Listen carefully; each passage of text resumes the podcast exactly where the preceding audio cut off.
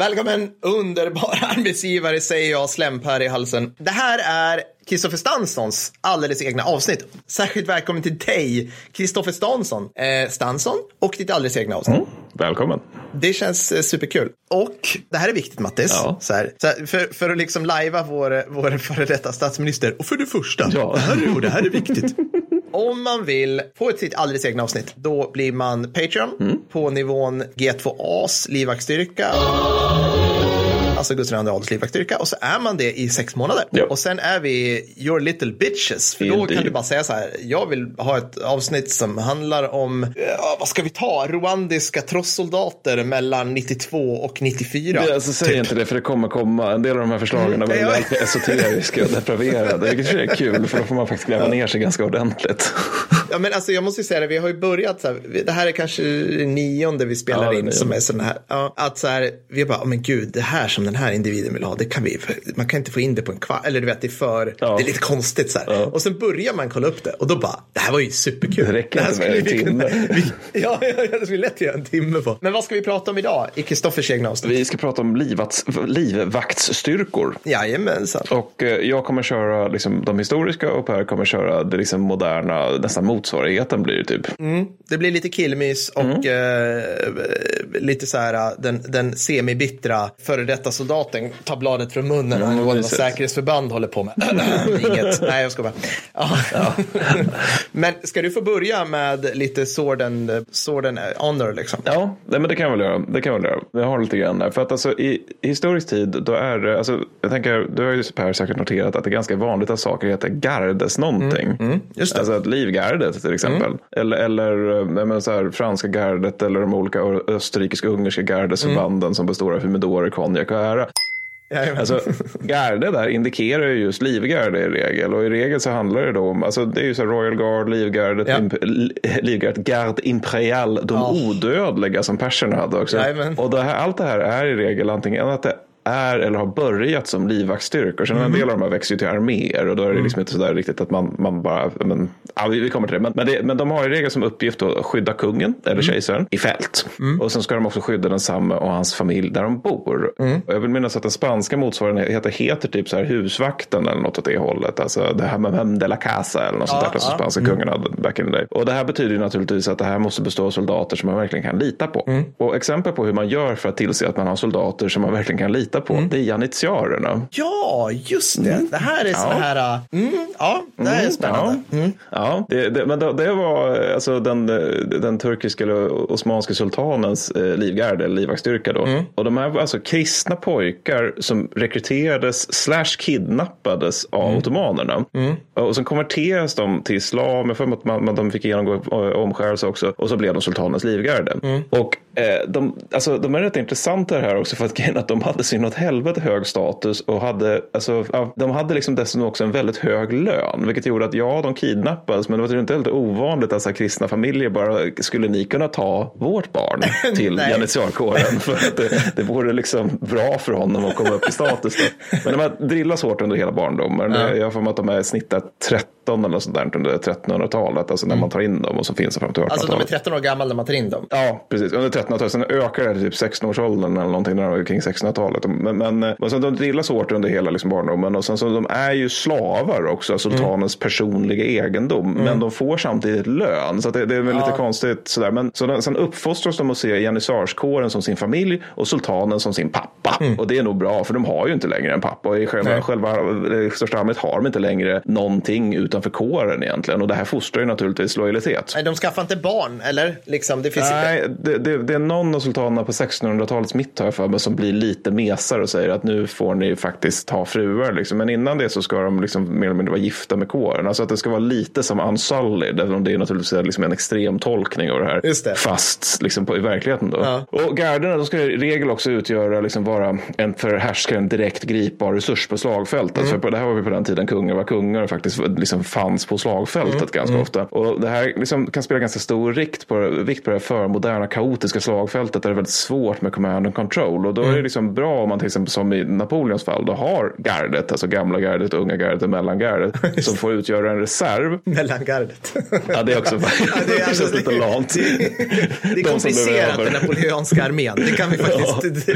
ja. men de är också, de är lite roligare för de här är ju som janissarerna, att de börjar som en livvakt och sen blir de någon form av armén ja, inom armén. Men, men de får liksom utgöra en gripbar reserv som ska kunna sättas in i, i avgörande ögonblick. Liksom. Mm. Och de är, precis som janissarerna så har de också en fanatisk lojalitet till eh, Nappe. Då. Mm. Och då, gamla gardet då, de har ju varit med så pass länge att de har liksom det här unika privilegiet att de får vara frispråkiga och ja. rakt av gnälla i närheten av kejsaren. För att ja. han han vet att de här, de här har visat sig lojala. Men det här är så här, det här är så klassiskt som, som jag vet att så här, tagit upp i vissa författare. Liksom, att om, om en stat blir tillräckligt typ fascistisk enväldig, ja. då kommer den utveckla så här, suboptimala semi-arméer. Alltså det, det, är liksom som ett slags, det måste vara någon som har formulerat det här som en lag, vilket gör ja, liksom, Lex Waffen-SS. Lex Waffen-SS, ja, men liksom, vi vet ju så hade Nappe funnits liksom på 1900-talet, då hade ju gardet haft ett eget flygvapen. Ja, ja. Av ingen nytta som bara konkurrerar med franska flygvapnet i övrigt. För hade vi gardets flygvapen och gardets, gardets flottan. och deras amförband. Men exakt så. Ja. men, exakt. men också lite, och jag, det var någon kompis med någon officerskompis som han menar på att även marin marinkåren har liksom lite drag av gardesförband. Alltså det är utan att USA är en auktoritär diktatur, men att det finns den här liksom lite gardeskänslan inom kåren. Då, ah, ja, en speciell ja. kåranda. Ja, ja. Mm. Men, eh, men det är ett utvikning. Men, men, det är också lite snarligt i svenska sammanhang, för där har vi drabantkåren. Mm. Och i det fallet så anförs det dessutom taktiskt av våra krigarkungar, ja. vilket också bara är härligt. Det är liksom inte så här, Nappe står och ger orden, utan snarare Karl XI eller XII drar värjan och bara framåt, nu ska vi köra. Alltså varför heter inte Soggen liksom drabanterna? Jag vet alltså, inte. Alltså, alltså, det, det, det, är en, det är dagens mest befogade fråga. Ja. Jag kräver att Magdalena Andersson liksom tillsätter en utredning kring ja. den här frågan och kommer fram till att Soggen heter nu drabanterna. Ja, men för, för att liksom, du har ju, du har ju, om vi, apropå marinkåren, de gick ju nyligen, de, de hade ju sin, de, de ville ju också ha specialförband där någon gång så här, 2010 och då kallade de äh, så här, critical skills operator, jag kommer inte ihåg vad de hette ens, alltså de, de, ja. de, de döpte liksom Marine någonting, någonting. Ja, såklart. Mm. Och sen bara gick det några år så bara, nej, vi har ju Marine Raiders ja, från VK2 att titta på. Ni heter nu Marine Raiders. Ja. Och det var bara high five alla. De har kvar det här förbandsmärket också med dödskallen och allt det där. Ja, så, så, så att, ja, Såg är från och med nu drabanterna, i varje fall i ja, Krigsstorypodden. Det, det, det, gör de fan, men, men, det är också att drabanterna ska då uh, agera kulfång åt kungen i grund och botten. Mm. Så att de ska finnas mm. runt honom och ta emot liksom, allt mm. gött som danska jävlarna kan skicka emot honom.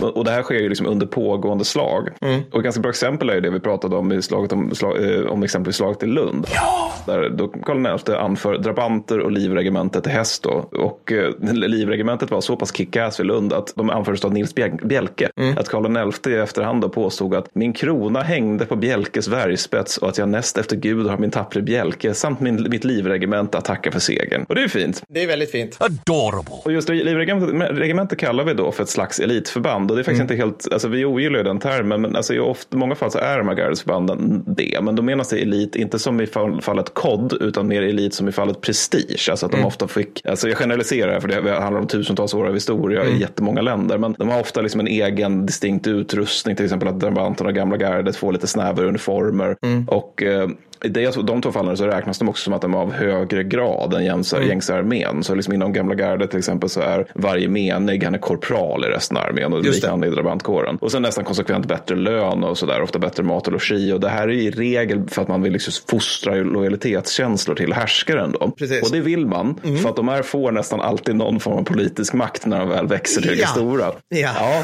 Och där har vi typexemplet par excellence och ja. det är pretoriangardet ja. under den romerska kejsartiden tiden. Sådana jävla hjältar alltså. Ja, precis. Hur många kejsare föll för deras ah, vi, vi kommer till det.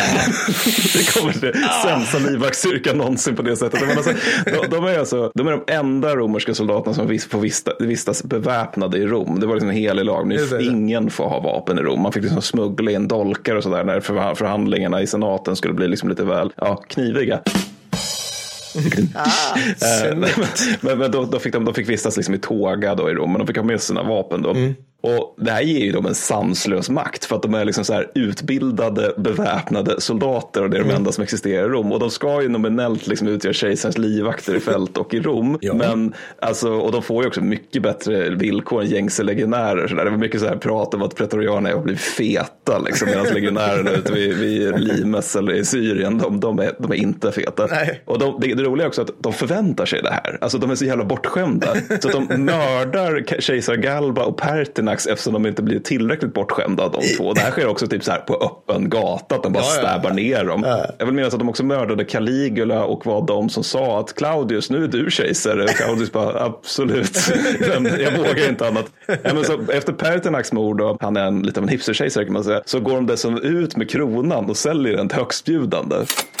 Alltså, alltså, de bokstavligt talat lägger ut den på Blocket och säger vem vill bli kejsare över den antika supermakten Rom? Jag, säger alla. Och då är det då Didius Julianus som vinner den här jävla titeln. Han vinner, han vinner Tradera-budgivningen. Ja, men, men, men, ja, men alltså, varje eh, pretoriangaresman får 25 000 sestercier av eh, Didius Julianus, vilket är jätte, jättemycket det är pengar. Jättemycket pengar. Och i utbyte så säger de att varsågod, du är kejsare nu. Och sen är han kejsare i hela 66 dagar för att det här var lite stökig tid i Roms historia. Och jag bara ska avsluta med, men det är också janitsjärerna då, de beter sig på ganska liknande sätt. Alltså de, de, de revolter bland janissarer, det, det, är ganska vanligt från typ 1400-talet och framåt. Mm. Och de går från att ha varit en liksom effektiv och fruktad stridande styrka till att på 1600-talet mest vara kända för att vara giriga och gå på pumpen när de möter mm. väst, västeuropeiska soldater. Mm. Och eh, de förväntar sig löneförhöjning med varje ny sultan. Och när de mm. inte får får det så blir de skitsura och börjar liksom göra upplopp och ha sig. Mm. De mördar rakt av Osman den andra 1622 och avsätter Selim den tredje. Och den sistnämnde då, Selim, då, han avsätts för att han vill modernisera armén, vilket Nej. inte passar janitsjarerna. Nej, de bara, okay.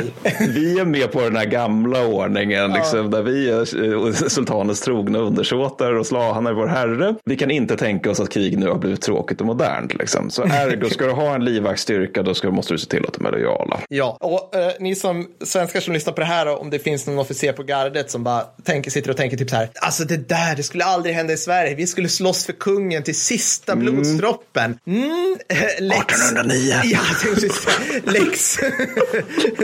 Eh, Lex Gustav fjärde Adolf där. Vad hände där då? Kanske? Gardens stoltaste stund skulle jag ja, säga. Det, det roliga är att man märker att det är extremt tyst bland historiker kring exakt var var gardet någonstans? Va?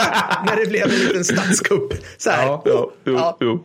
Så det är roligt. Okej, okay, men vad händer idag då? Ja, alltså, det vi egentligen pratar om, liksom, det, det, har blivit, det som vi pratar om nu, det har blivit typ två saker. Det ena är de här statsceremoniella förbanden som du var inne mm. på, Mattis. Och det, varenda europeiskt land med självaktning har någonting som heter Presidential Guard, Royal Guard, Guardia Real i Spanien som säg, har rötter från 800-talet. Vi har Livgard i Sverige, vi har HGMK, HKP eh, i Norge.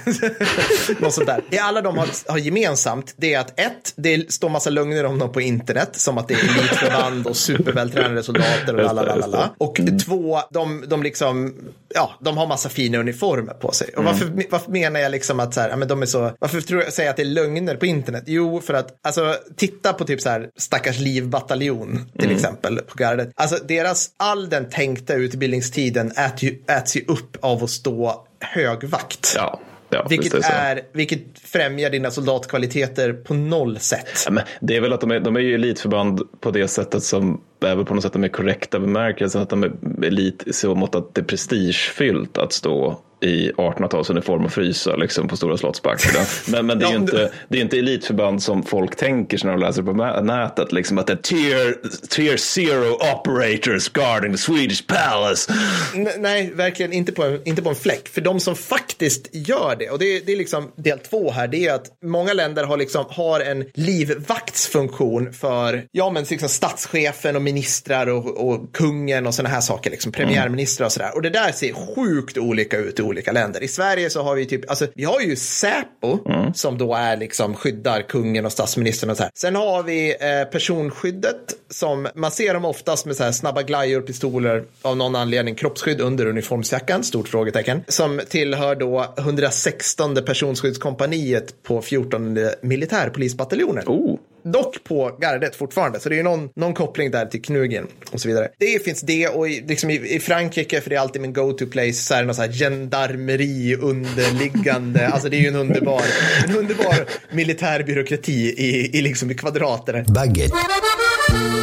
Men, men gendarmeriet, är inte det så här paramilitärt? Att det är en så här fusion mellan polis och soldater? Alltså typ, ja, typ BOP i Brasilien, fast i Frankrike. Ja, exakt. Så att, så att du har liksom, just nu, det, det, det, är en slags, jag ska inte säga att det är en mismatch, men det är liksom, det är väldigt lite så här att det hänger inte med hundra stycken drabanter med hillebarder när kungen ska åka på statsbesök i Luxemburg. Liksom. Jävligt, alltså, förstår Ja, det är för jävligt. Det borde göra det, utan det är liksom, då är det typ Säpo. Sen har vi sådana här grejer som att, och nu, nu blir vi lite snäviga apropå, SOG, apropå liksom tier 1 och sådana här saker. För att faktum är att runt 2010 så höll SOGgen på med lite personskyddsuppgifter och till exempel ÖB, utrikesministern. Mm. Så de gjorde faktiskt det. Och det här kan man liksom, det här har då liksom technothrillerförfattare spunnit vidare på. Liksom, ja, gör de det? Men, men alltså, jag, jag har svårt att tro mig att, jag menar, om det skorpar till sig och det ja. börjar dala ner muskoviter från himlen så kommer ju liksom Soggen har andra saker för sig än att magiskt dyka in genom typ försvarsministerns sovrumsfönster och repellera iväg en nyvaken dalmas